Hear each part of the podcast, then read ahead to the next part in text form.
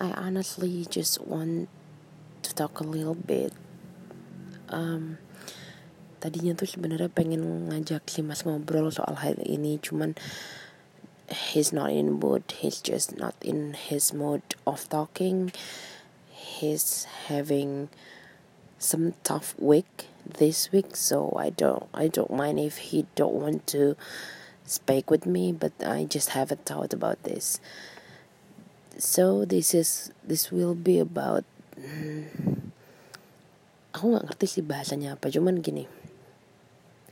Ever thought in your life that sometimes you you, you being um, stereotyped or general digeneralisir gitu jadi gini ini uh, bermula gara-gara aku mikir um, kadang gini yang paling baru-baru aku rasain ya memang aku datang dari keluarga yang heterogen kalau menurutku. Maksudnya dari segi pekerjaan dari keluarga papa sendiri banyak yang jadi wirausaha ada juga yang kerja di kantoran ada juga yang jadi guru uh, dan mereka membebaskan gitu. Maksudnya kayak nggak ada nggak ada yang kayak lebih ya menyarankan ada gitu. Mendingan cari kerja di sini mendingan apa segala macam waktu zaman zaman baru mau nyari kerja.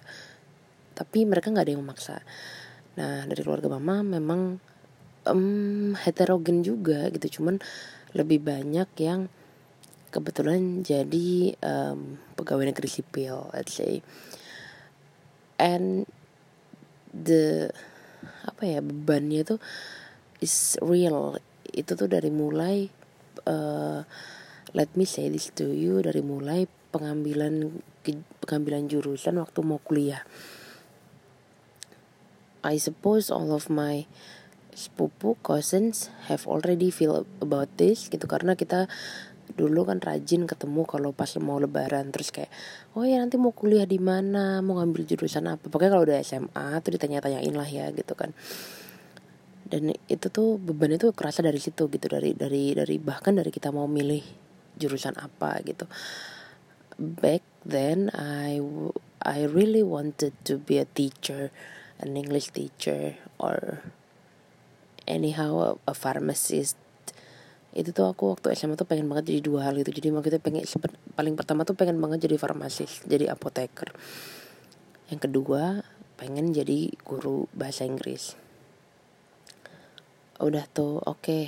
tapi kan kenyataannya pada saat itu tuh aku I'm not capable in any um, scientist scientist subject gitu. Jadi kayak bio, biology fisika kimia itu um, sayangnya nilainya nggak mumpuni gitu. Sehingga I didn't get accepted in any of national university and in any pharmacy faculty itu nggak masuk gitu. Nah terus akhirnya uh, I struggle a lot to be a teacher but then I got rejected also. Terus jadi kayak setengah desperate gitu karena ada ada tekanan gitu. There is a pressure inside gitu dari dari dari keluarga. Terus uh, aku ada titik di mana aku mikir ah bodoh amat lah gue mau ngambil jurusan apa. They don't have any rights about me my choice. Terus akhirnya masuklah jurusan bahasa Inggris cuman D3 I didn't have any problem with that malah dengan D3 tuh sebenarnya gue merasa gue bantu banget nyokap bokap karena biaya yang mereka keluarkan itu nggak nggak selama kalau S1 gitu kan. Apa jenjang jenjang pendidikannya kan lebih cepat D3 jadi tuh kayak ya udah bersyukur gitu kan karena dengan dengan hal itu jadi meringankan beban orang tua terus juga persiapan ke arah dunia kerja lebih matang. Cuman memang a, always a plus and minus. Nah dari pas akhirnya terima D3 itu itu udah um, jadi isu gitu. Kalau oke okay, nggak apa-apa di tiga nanti ngambil S satunya di sini nanti nanti ngelanjutin di sini. Honestly at that time I didn't think much about getting a higher degree gitu. Aku nggak nggak mikir bahkan sampai sekarang pun aku uh, have has it ever crossed in my mind gitu. Kayak pernah gak sih gue kepikiran untuk lanjut kuliah lagi tuh kayak kayak nggak ada gitu. Karena uh, pada saat kuliah itu juga adalah titik terendah di hidup gue dan kayak gue tuh kayak ya ampun gue pengen banget ngelolosin beban orang tua gue gitu. Jadi gue pengen banget bisa hidup mandiri nggak nggak nggak banyak minta mereka lagi. That's it I just want to be like that gitu. Jadi kayak gue pengen gue cuma pengen kuliah kelar lulus kerja udah nggak beban orang tua gitu. Karena itu gue ngerti banget posisi orang tua pada saat itu. And I still have a little sister that really needs much more education gitu. Karena jaraknya kan jauh. Jadi gue kayak Allah udah gak kepikiran lah mau ngelanjut lanjut kuliah gitu. But I didn't talk about that in front of my family also. Terus lulus tuh dua tahun 8 bulan apa ya kalau nggak salah. Lulus terus ya udah pikiran gue tuh cuma pengen nyari kerja. That's it lagi itu karena itu itu masih apa sih saat-saat terberat gitu loh dalam hidup. Terus um, uh, apa namanya mulai itu gitu kan ada ada ada lagi another pressure comes from my family that uh, most of them want me to be wanted me to be a PNS also gitu. Jadi setiap kali itu dari tahun berapa ya? Gue lulus dari tahun 2013 sampai tahun ini 2013 5 tahun sampai tahun 2018 setiap ada bukaan CPNS there is another pressure on me on ya on me gitu karena pilihan gue untuk nggak ngelanjutin kuliah yang pertama itu kayak udah yang ya sayang banget kan masih bisa ngelanjut sayang banget kan masih ada kesempatan gitu. Kenapa sih nggak dilanjut aja? Kok berhenti di situ? Kan itu masih uh, belum tinggi atau apa sebagainya. Uh, of course if I had a better life not in that kind of point of course I really want to continue my study. Tapi pada saat itu dan kebetulan dari dari dari gue masuk kuliah sampai gue dapet kerjaan that's the lowest point on on my life gitu. I, and I think it's not only on my life it's my it's on my parents life also gitu kan. Jadi kayak ya daripada gue mementingkan ego gue sendiri gitu ya, yang pengen ini itu tau gue juga merasa I've had enough and I can get a job with this degree with this diploma. Ya udah gitu kan. Terus akhirnya langsung cari kerja langsung dapat kerja oh dulu dulu nggak langsung dapat kerja ding. Dulu juga sempat uh, di rumah dulu enam bulan dan itu beh that's a, another miserable time gitu kalau gue pikir. Karena setiap ketemu tangga setiap ketemu keluarga tuh tanya ini ya udah daftar sini aja daftar situ aja. Uh, that's not as easy as you think gitu. Bahkan temen ada temen gue gitu yang dulu juga sempat nyuruh nyuruh gitu lu daftar sini aja daftar sini daftar ini karena pada saat itu dia masih S1 dan dia belum lulus. Akhirnya ketika gue udah dapet kerjaan terus dia lulus dia nyari kerja dia bilang ke gue ternyata bener ya susah ya gitu. Dan nggak enak ya denger omongan orang orang orang tuh kayak disuruh daftar A B C gitu. That's it. Itu susah gitu. Maksudnya kadang kita ya oke okay, kita bisa menyerap oke okay, makasih infonya. Tapi pas kita lihat lowongannya oh nggak ada buat D3 misalnya gitu. Atau pas kita lo nyari apa baca lowongannya harus tinggi semampai gitu kan. Kebetulan gue overweight. Nggak bisa juga. Jadi kayak eh, nggak uh, semua apa sih namanya nggak semua lowongan tuh bisa lo apply gitu aja lo gitu. Dan kebetulan gue sangat menghindari eh, faktor-faktor uh, kayak uh, gue ada backingan di perusahaan ini. Gue ada kenalan di perusahaan ini. Saudara gue kerja di perusahaan ini. No uh, karena itu akan di, di pikiran gue adalah karena itu akan membuat beban another beban lagi gitu. Kalau misalnya kita ngelakuin hal-hal aneh di perusahaan itu atau gampangnya mm, sering telat gitu misalnya atau ada kerjaan yang pernah salah gitu kan jadi kayak kebawa gitu orang-orang yang yang jadi backingan itu gitu. Padahal gue nggak mau gitu kan. Jadinya udah dengan idealisme itu tambah susah lagi kan tambah susah lagi. Jadi apa sih kerasa banget gitu loh the, the pressure the struggle. Sampai akhirnya gue memutuskan tahun ini tuh tahun kelima juga sih gue kerja di perusahaan swasta. Uh, tiga tahun pertama di perusahaan swasta sekarang dua tahun di perusahaan swasta juga in the same field uh, just different um, company. Tapi fieldnya tuh sama. Memang indeed uh, dulu banyak banget juga yang nawarin udahlah ngerantau aja ke Jakarta. Udah kerja di Jakarta. Bahkan even my mom really wants me to go to work on eh, at Jakarta gitu. Tapi bukan gue yang nggak mau nurut atau gimana. Cuman karena uh, dulu ada yang bilang iya karena cowoknya orang Jogja pasti nggak mau. Well that's the reason but not the main reason gitu. Tapi yang alasan pertamanya adalah I've had enough gitu. 14 tahun kebetulan waktu itu hidupnya nggak di Jakarta sih di kota satelitnya Jakarta di Bekasi. And uh, for me it was not a pleasant time gitu. Maksudnya gini bayangin uh, keluhan teman-teman ataupun yang dirasain sendiri lah gitu. Dari mulai lo harus berangkat sekitar jam 5 atau mungkin jam setengah enam gitu. Terus macet dulu nanti baru nyampe kantor jam sekian. Nanti pulangnya juga kena macet dan sebagainya.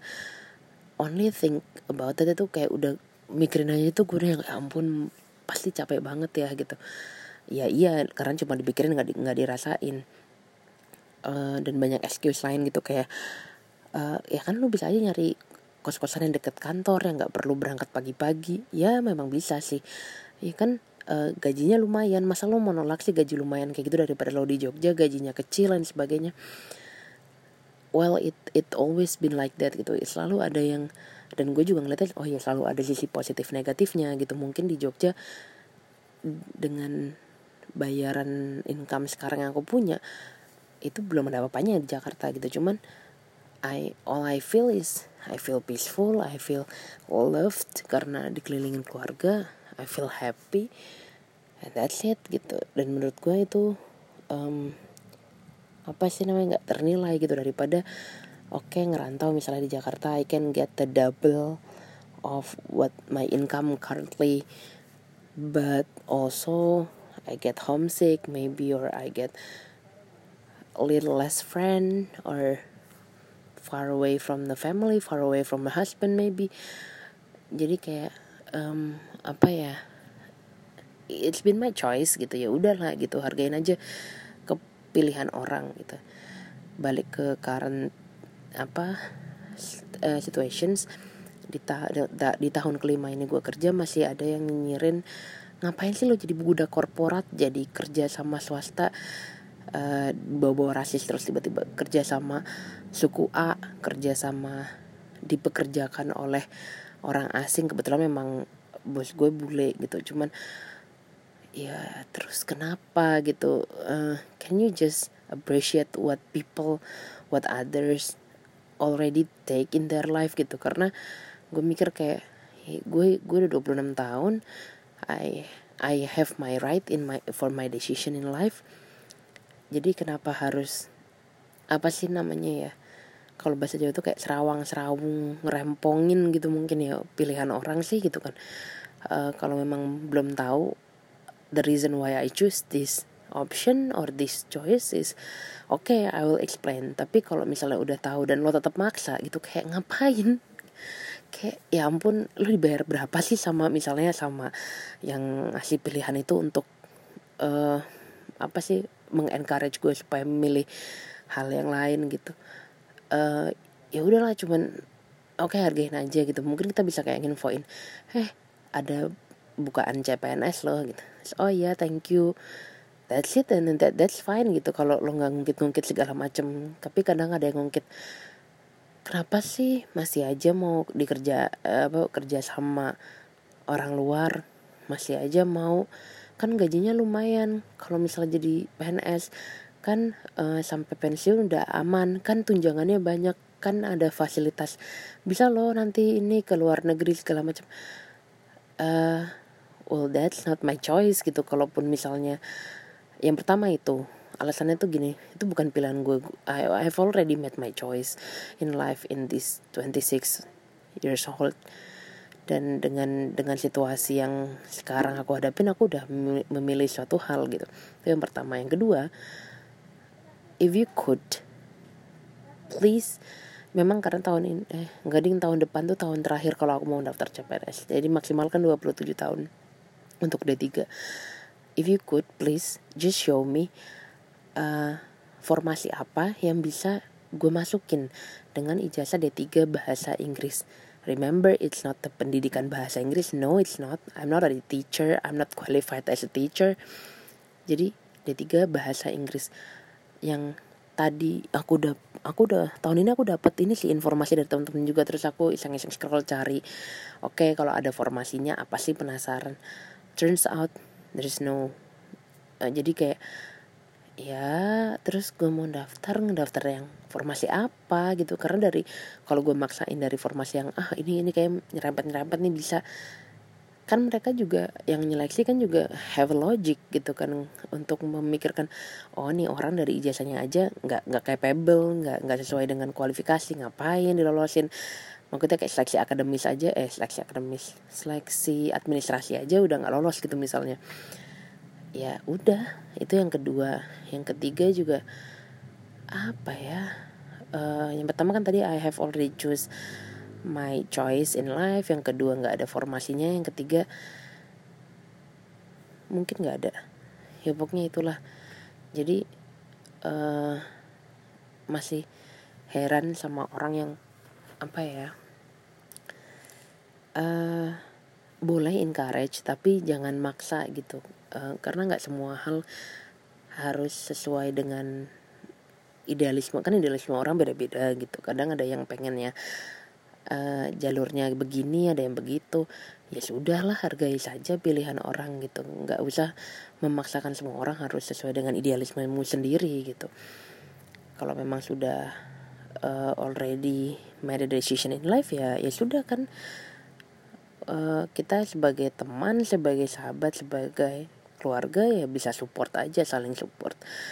Hal yang sama terjadi sama kayaknya lately di Twitter juga aku baca tentang um, apa namanya uh, kalau uh, bos apa ya kalau capek ngerjain tugas kalau capek kerja menikahlah gitu. Karena ada yang nafkahin atau apa. Pokoknya uh, anjuran ketika lagi desperate bingung mau ngapa-ngapain tuh merit aja gitu.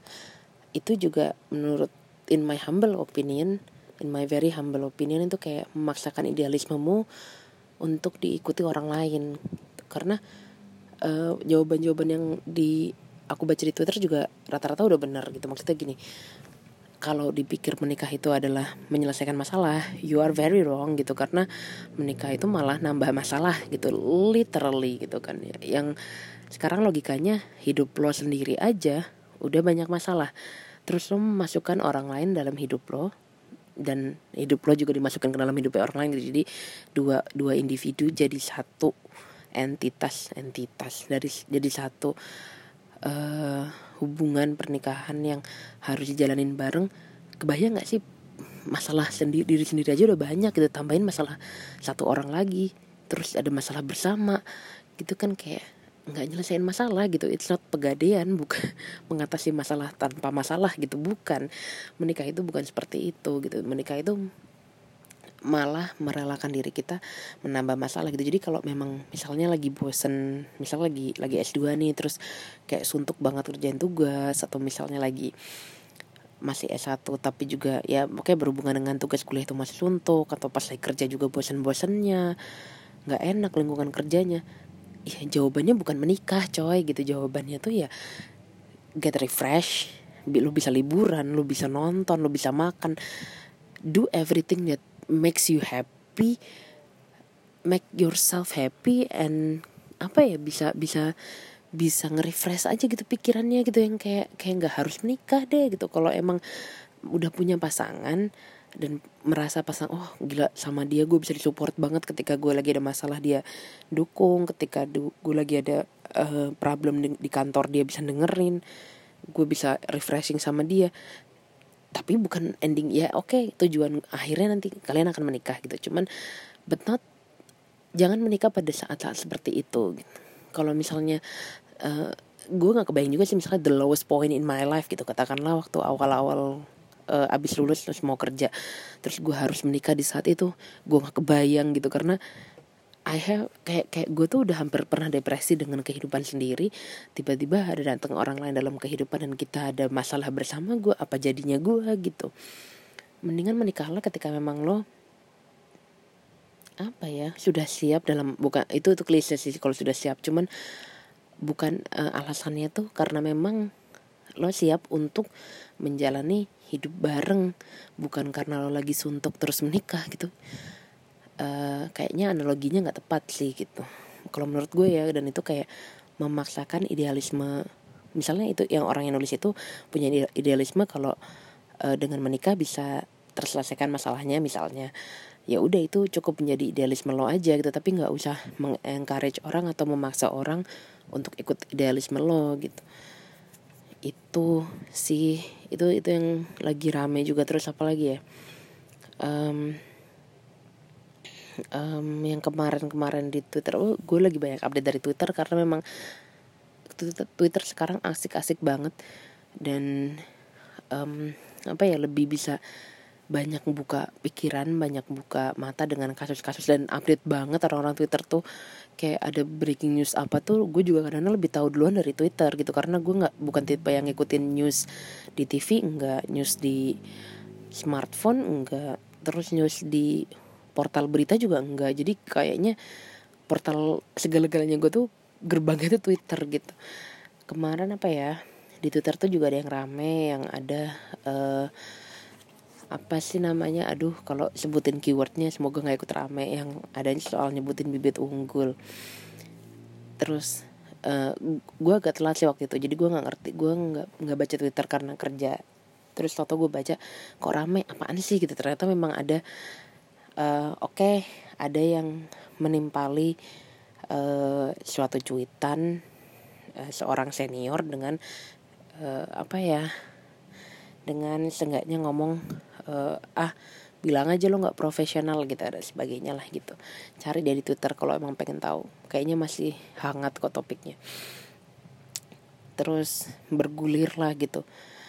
Uh, dan tiba-tiba ada pihak-pihak lain yang uh, apa ya jatuhnya kalau di mata gue juga jadi agak-agak setengahnya pencemaran nama baik sih gitu. Karena dia langsung ngomong e, oi kalau misalnya mau nge-hire anak ini pikir-pikir lagi dia udah pernah punya jejam eh, jejak rekam digital yang kayak gini gitu.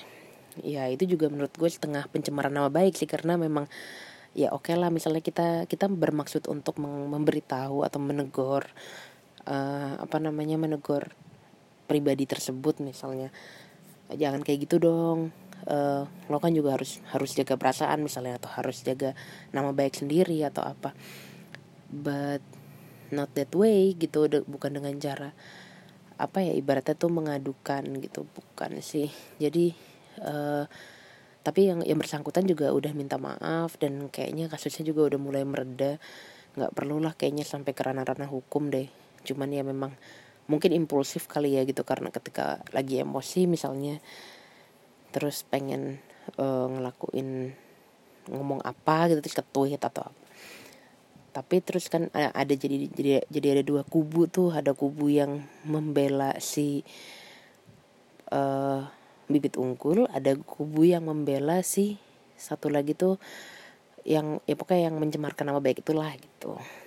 Uh, ya ada poin masing-masing ada poin benar dan salahnya gitu. Cuman nggak bisa juga kita mem, me, menggunakan apa tadi e, menggunakan idealisme kita untuk mengeneralisir harusnya lo kayak gini harusnya gitu. Ya ya udahlah kalau emang kita mau menegur karena si Mbak Bibit Unggul itu kurang tepat ya kita tegur aja gitu. Tapi kalau misalnya si didn't want tulisan atau misalnya menurut dia ya gue ya kayak gini gitu ya udah gitu kan. Kita juga nggak harus memaksakan idealisme kita ke orang lain ya yaitu pilihan hidup dia ya udah nggak apa-apa gitu terus juga uh, kepada yang mencemarkan nama baik juga kita nggak perlu nggak perlulah kayaknya kayak begitu gitu. Karena uh, iya memang jejak rekam digital itu kan bisa dibilang abadi gitu. Kadang kalau kita ngerasa kita udah ngehapus ternyata udah ada orang lain yang screen cap.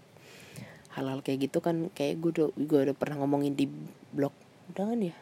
Udah. Apa masih di draft ya? Kayaknya udah kok tentang jejak rekam rekam jejak digital bahwa lebih abadi daripada buku harian gitu loh ibaratnya. Jadi ya memang hati-hati gitu karena sebagai orang yang kerjaannya gue ini kadang-kadang juga kerjaannya googlingin nama orang gitu termasuk kandidat-kandidat yang bakal masuk di kantor gitu. Misalnya di kantor tuh mau ada orang baru nih namanya ini. Terus gue googling dulu namanya gitu karena just because gue pengen tahu orang itu tuh di dunia digital tuh kayak apa sih gitu. Kan kadang-kadang suka kelihatan tuh oh dari tweetnya kayak gini oh dari instagramnya kayak gini misalnya gitu.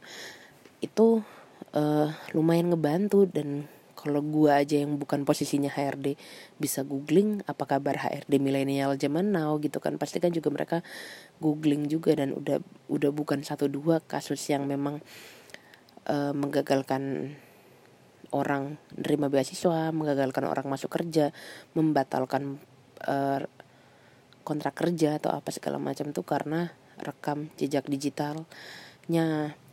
Jadi ya ya ada ada ada masanya lah kita harus be wise dalam bersosial media. Tapi kalau misalnya kita kan kita juga bukan polisi ini ya apa social justice apa bahasanya social justice warrior gitu kan. Kita juga bukan orang yang setiap saat harus menjadi polisi di media sosial. Jadi ya minimal gak usah ngingetin-ngingetin banyak orang lain ngingetin diri sendiri dulu aja lah gitu. Kali-kali aja ada yang googling nama kita kan.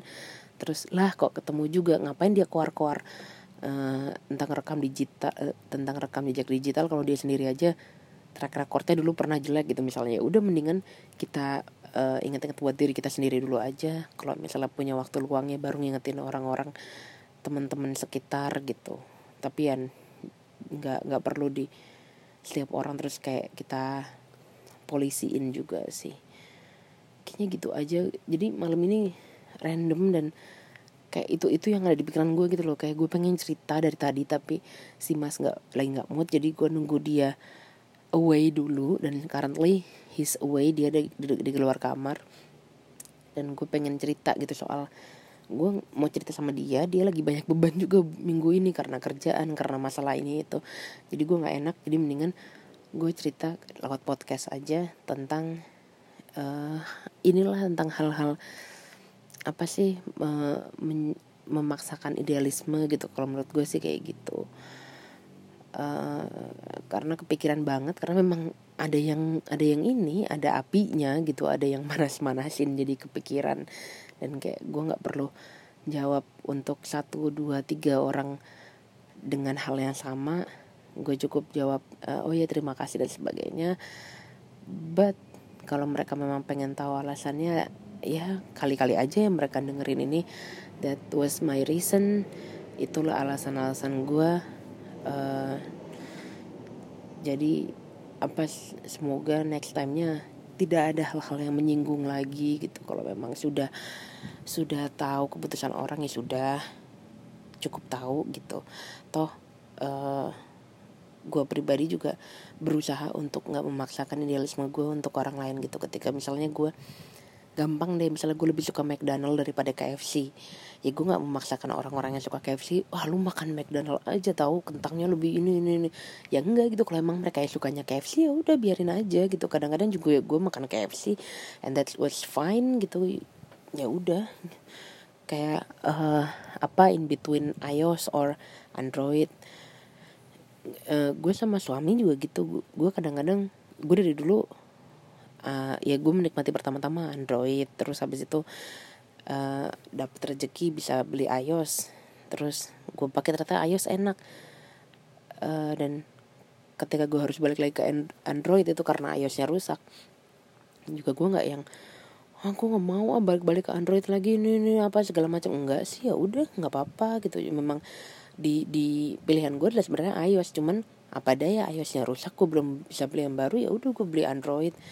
And that was fine gitu. Jadi eh, nggak perlu kalau misal apa nggak perlu kayak memaksa-memaksa kayak gitu.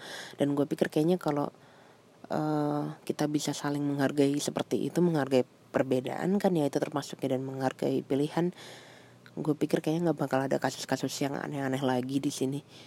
Yang apa sih namanya harus uh, ada dua kubu lah oposisi dan menyerang lah apa segala macam. Menurut gue kayaknya jadi nggak ada deh kalau emang udah bisa menghargai satu sama lain gitu. Uh, suami Android lover dan gue sekarang iOS user and lover juga. Ya ada sih kadang-kadang suka jahil aja gitu ke dia. Ayo dong ganti iOS nih tak enak nanti bisa iMessage dan sebagainya. Tapi terus dia bilang tapi aku udah in love dengan Android aku nggak bisa ninggalin. Ya udah selesai. Nggak perlu yang coba dulu lah ini nggak perlu lah rasa rasanya kok nggak perlu gitu. Kecuali untuk hal-hal yang apa ya untuk kebaikan. Misalnya gini dulu suami juga anti pijet. Dia dia nggak suka dipijet dia nggak suka diurut. Karena basically dia gampang geli. Terus sementara gue kebalikan gitu kan gue suka gitu di dilulur dipijet diurut gitu. One day dia pegel-pegel gitu kan. Dia bilang aduh aku pegel-pegel nih gitu kan. Ya udah ayo urut pijet dia wah dia bersikeras nggak mau. Gue kan gue nggak suka gini gini coba deh sekali aja gue bilang gue bayarin apa segala macam gue anterin gitu. Yaudah tapi sekali aja ya dan and, if I don't like I can go away gitu. Ya udah silahkan kalau emang nggak suka dengan pijatannya di tempat itu ya langsung walk out juga nggak apa-apa gitu. Terus akhirnya dia nyoba dan ketagihan. Bahkan sampai sekarang dia kalau misalnya pegel-pegel habis kayak ini kemarin habis pergi jauh gitu terus pegel-pegel ayo dong pijet gitu. Dia malah yang minta duluan. Jadi gue yang kayak oke. Okay dia dulu mungkin punya idealisme nggak bisa dipijat tapi sekarang setelah nyoba bisa ya ya udahlah gitu kan. Itu juga demi kebaikan gitu. Kalau gue dulu maksanya dia tuh karena karena gue nggak bisa mijat dan dia pegel dan wa, uh, salah satunya cara yang gue tahu ya dia harus mau dipijat gitu. Jadi gue setengah memaksa waktu itu. Tapi untuk idealisme lain kita banyak banyak apa uh, menghargai sih. Kalau gue mau kita kayak dia tahu gue nggak suka makanan apa uh, dia tapi dia suka gitu. Misalnya apa ya? Hmm, makanan kambing. Kan gue nggak suka makanan kambing tapi dia suka. Kalau misalnya dia lagi pengen ya dia dia nego dulu nih. Gue mau makan kambing. Kira-kira lo mau makan duluan di tempat lain yang nggak bukan makanan kambing eh bukan makanan kambing bukan masakan kambing. Baru kita baru misalnya gini dia pengen gulai kambing kan gue nggak doyan. Dia pasti bakal nawarin lo mau makan makanan lain sebelum gulai kam eh, sebelum nganterin gue makan gulai kambing atau gimana? Ini mau kayak apa nih? Gitu. Paling gua, ya kalau gue lapar banget gue biasanya ya gue makan dulu lah. Uh, gue cepet kok makannya misalnya atau uh, ya udah nggak apa-apa gue minum dulu aja di tempat lo nanti lo nganterin gue makan gitu. Itu kayak hal-hal yang bisa di negosiasi lah gitu. Nggak perlu yang ada uh, dia memaksa cobain dulu. Ya pernah sih kadang cobain deh cobain deh. Tapi ke dasar dasar gue ke nggak doyan gitu. Jadi ya balik lagi enggak lah thank you gitu. Udah gue cobain satu sendok dong no thank you itu so aneh gitu atau apa misalnya ada sih hal-hal yang memang gue kompromiin. Uh, dia bisa nyetrika baju dan jahit gue enggak. Dan dia nggak pernah maksa gue untuk lu belajar dong nyetrika misalnya atau lu belajar dong jahit baju gini aja nggak bisa gitu. Enggak nggak pernah gitu. Dia, dia menghargai dengan ketika misalnya gue butuh urgent mas mas jahitin ini dong kancingnya copot. Ya gue akan minta dia gitu bukan dia yang kayak uh, ya eh laki gini aja nggak bisa alhamdulillah sih enggak gitu. Tapi sebaliknya juga kalau misalnya dia butuh bantuan gue biasanya untuk bikin surat atau apa bantuin dong ketikin dong misalnya. Atau eh ini bahasanya gimana ya? Karena dia merasa gue lebih in advance di bagian bahasa gitu. Ya udah nggak gue juga nggak maksa dia kamu nggak bisa nggak pernah bisa sih kayak gini gini nggak nggak nggak ada kayak begituan ya udahlah nggak apa-apa gitu. Toh saling ada ada ada ada plus minusnya and, and it's life. Dan and and it that's what that was that was. Itu yang membuat kita semakin kompak kalau gue ngerasanya. Ya itu bagian dari menghargai perbedaan dan tidak memaksakan kehendak atau tidak memaksakan uh, idealisme. Menurut gue dalam kehidupan sehari-hari kayak gitu. Jadi kadang ini kalau nyangkut nyangkutinnya sama tadi tuh ada berapa ya? Ada ada sekian pertanyaan pamungkas. Kayak uh, lo kuliah? ditanyain kapan lulus? Kapan lulus? Kapan lulus? Kapan lulus? Terus lo udah lulus tanyain e, kerja di mana? Kok nggak kerja di sini aja? Kok nggak daftar ini aja? Kok nggak gini nih kayak gitu? Terus udah kerja tanyain kapan nih merit udah lama loh. Nanti keburu jadi perawan tua. Misalnya ada ada kadang juga yang nyebelin kayak gitu ya. Ya ampun sampai nyelekit kalau gue bilang itu sih. E, kok nggak merit merit uh, ini apa haram lo pacaran misalnya kayak gitu atau uh, belum punya cowok ya emangnya kenapa sih milih-milih ya atau apa? Bo nggak usah dibumbui uh, segala opini-opini lo lah gitu. Kalau nanya nanya aja nggak usah dibumbuin opini. Terus udah merit uh, kok belum isi? Kenapa nunda ya? Nggak nunda kan? Nggak nggak pengen punya anak po. Uh, nanti kesepian lo ini nih. Itu lagi ditambahin opini-opini pribadi ya.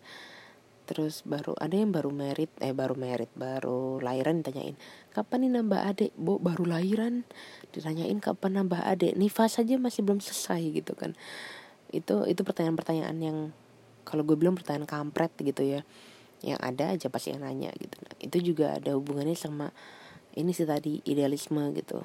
Ya kadang hidup orang misalnya mau dilompat-lompat gitu katakanlah dia kuliah terus merit baru lulus dulu terus S2 baru punya anak dulu gitu. Misal itu kan bisa aja terjadi gitu. Jadi runtutannya nggak harus yang kayak apa yang orang-orang idealis kan idealisme kan jadi udahlah hargain aja pilihan orang lain mau dia lulus dulu baru merit mau dia merit dulu baru lulus mau dia nunda punya anak atau enggak ya udahlah gitu hargain aja gitu. Kalau kalau bisa sih jangan ditanya gitu pertanyaan-pertanyaan kampret tadi.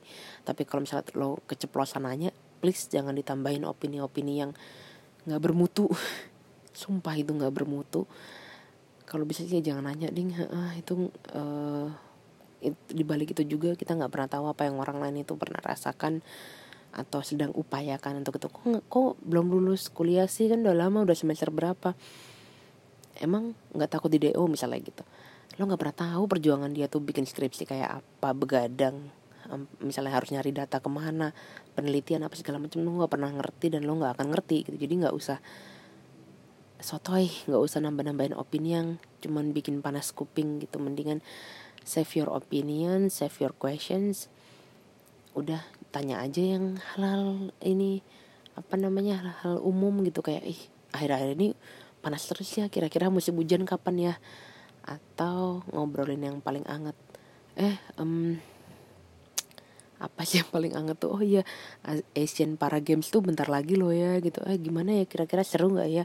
Nonton apa ya? Kita tiketnya bisa dibeli di mana segala macam ngobrolin film lah ngobrolin musik lah ngobrolin apalah gitu. Yang penting nggak usah ngobrolin yang kira-kira tadi pertanyaan kampret itu itu ada hubungannya. Jadi kayak nggak semua orang kok jalan hidupnya harus seperti itu. Seperti apa yang lo pikirin seperti apa yang lo idealismekan. Jangan maksa gitu kalau misalnya kayak gitu. Dan um, bersyukur sih alhamdulillah karena keluarga terdekat gitu maksud keluarga inti tuh nggak nggak pernah ada yang nanyain pertanyaan kampret itu. Terus um, membebaskan gue sebagai anak untuk uh, berkarya bekerja di bidang mana pun yang penting kerja jujur halal dan gue bahagia. Udah gitu doang. Itu mereka juga udah ikut bahagia. Jadi mungkin uh, tekanannya bukan dari keluarga inti kalau gue tapi ada yang dari keluarga inti. Oh iya pertanyaan kamar itu juga ada gini. Dari fisik lah pokoknya nanyain fisik. Misalnya kayak ih kok tambah gemuk ya? Nggak diet ya? Ih uh, ini yuk ikut program ini yuk dan sebagainya. Uh, ya emang sih gitu kan. Kita ketika kita ketemu temen lama gitu misalnya terus yang pertama kali kita lihat kan fisiknya gitu tapi kan nggak harus langsung kita celetukin tanya kan bisa nanya kabar dulu. Ya itulah. Uh, eh, gue udah mulai ke mana-mana nih kayak ngobrolnya. Kalau misalnya kalian pernah ngalamin kayak gitu apa sih tips and triknya gitu kalau mau cerita boleh atau kalau mau kasih masukan boleh I'm open to any opinions and I'm sorry if I nggak sengaja menyinggung-nyinggung. I don't have any intentions to it. I just want to share what I thought tonight. Thank you for listening and see you on another topic. Bye.